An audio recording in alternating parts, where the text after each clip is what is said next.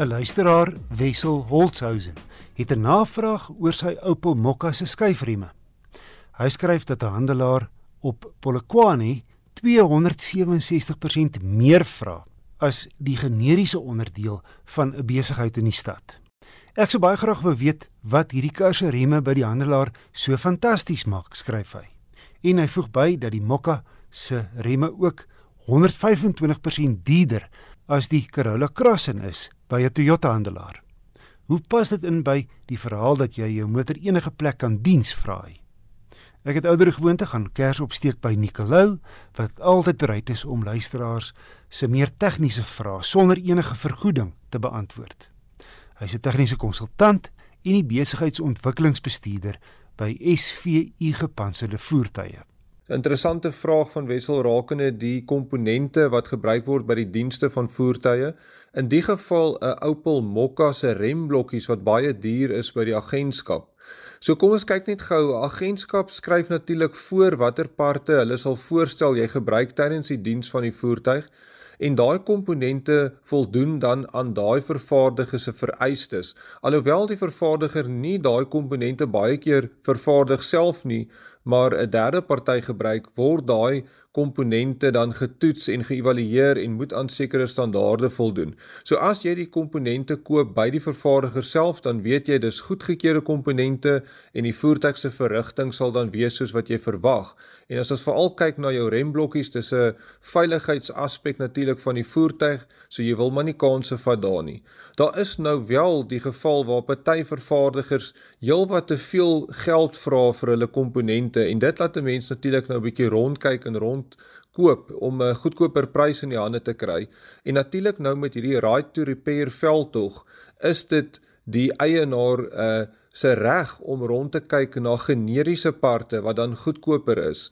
Indien die eienaar dan so generiese part op sy voertuig onder waarborg gebruik, mag daai waarborg dan nou nie verval nie, maar ek sal nog steeds die eienaars daar buite aanraai om seker te maak dat die komponente wat hulle gebruik aan daai vereistes voldoen wat die vervaardiger voorstel om seker te maak daai voertuig hanteer rem versnel soos wat hy moet uit die fabriek uit.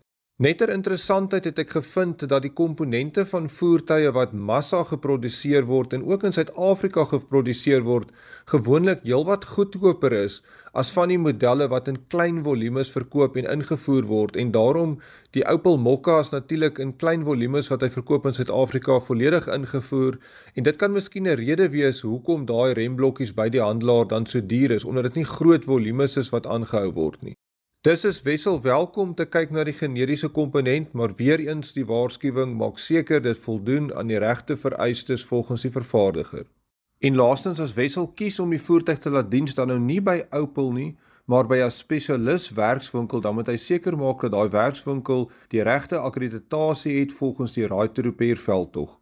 So antwoord Nicolou, 'n tegniese konsultant en die besigheidsontwikkelingsbestuurder by SVU Gepantserde Voertuie. E-pos gerus enige motornavraag na wissel@rsg.co.za.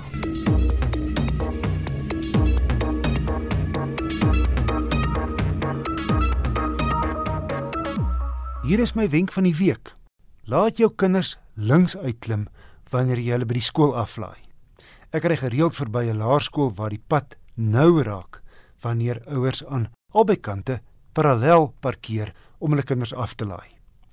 Wat sake regtig gevaarlik maak, is wanneer kinders soms aan die regterkant van die voertuig uitklim en dan peel daar dikwels swaar tasse en ook sporttoerusting saam uit.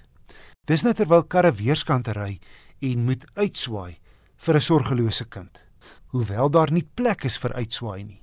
So, maak seker jou kinders is veilig die hulle en hulle bagasie aan die linkerkant te laat uitklim wanneer jy parallel parkeer.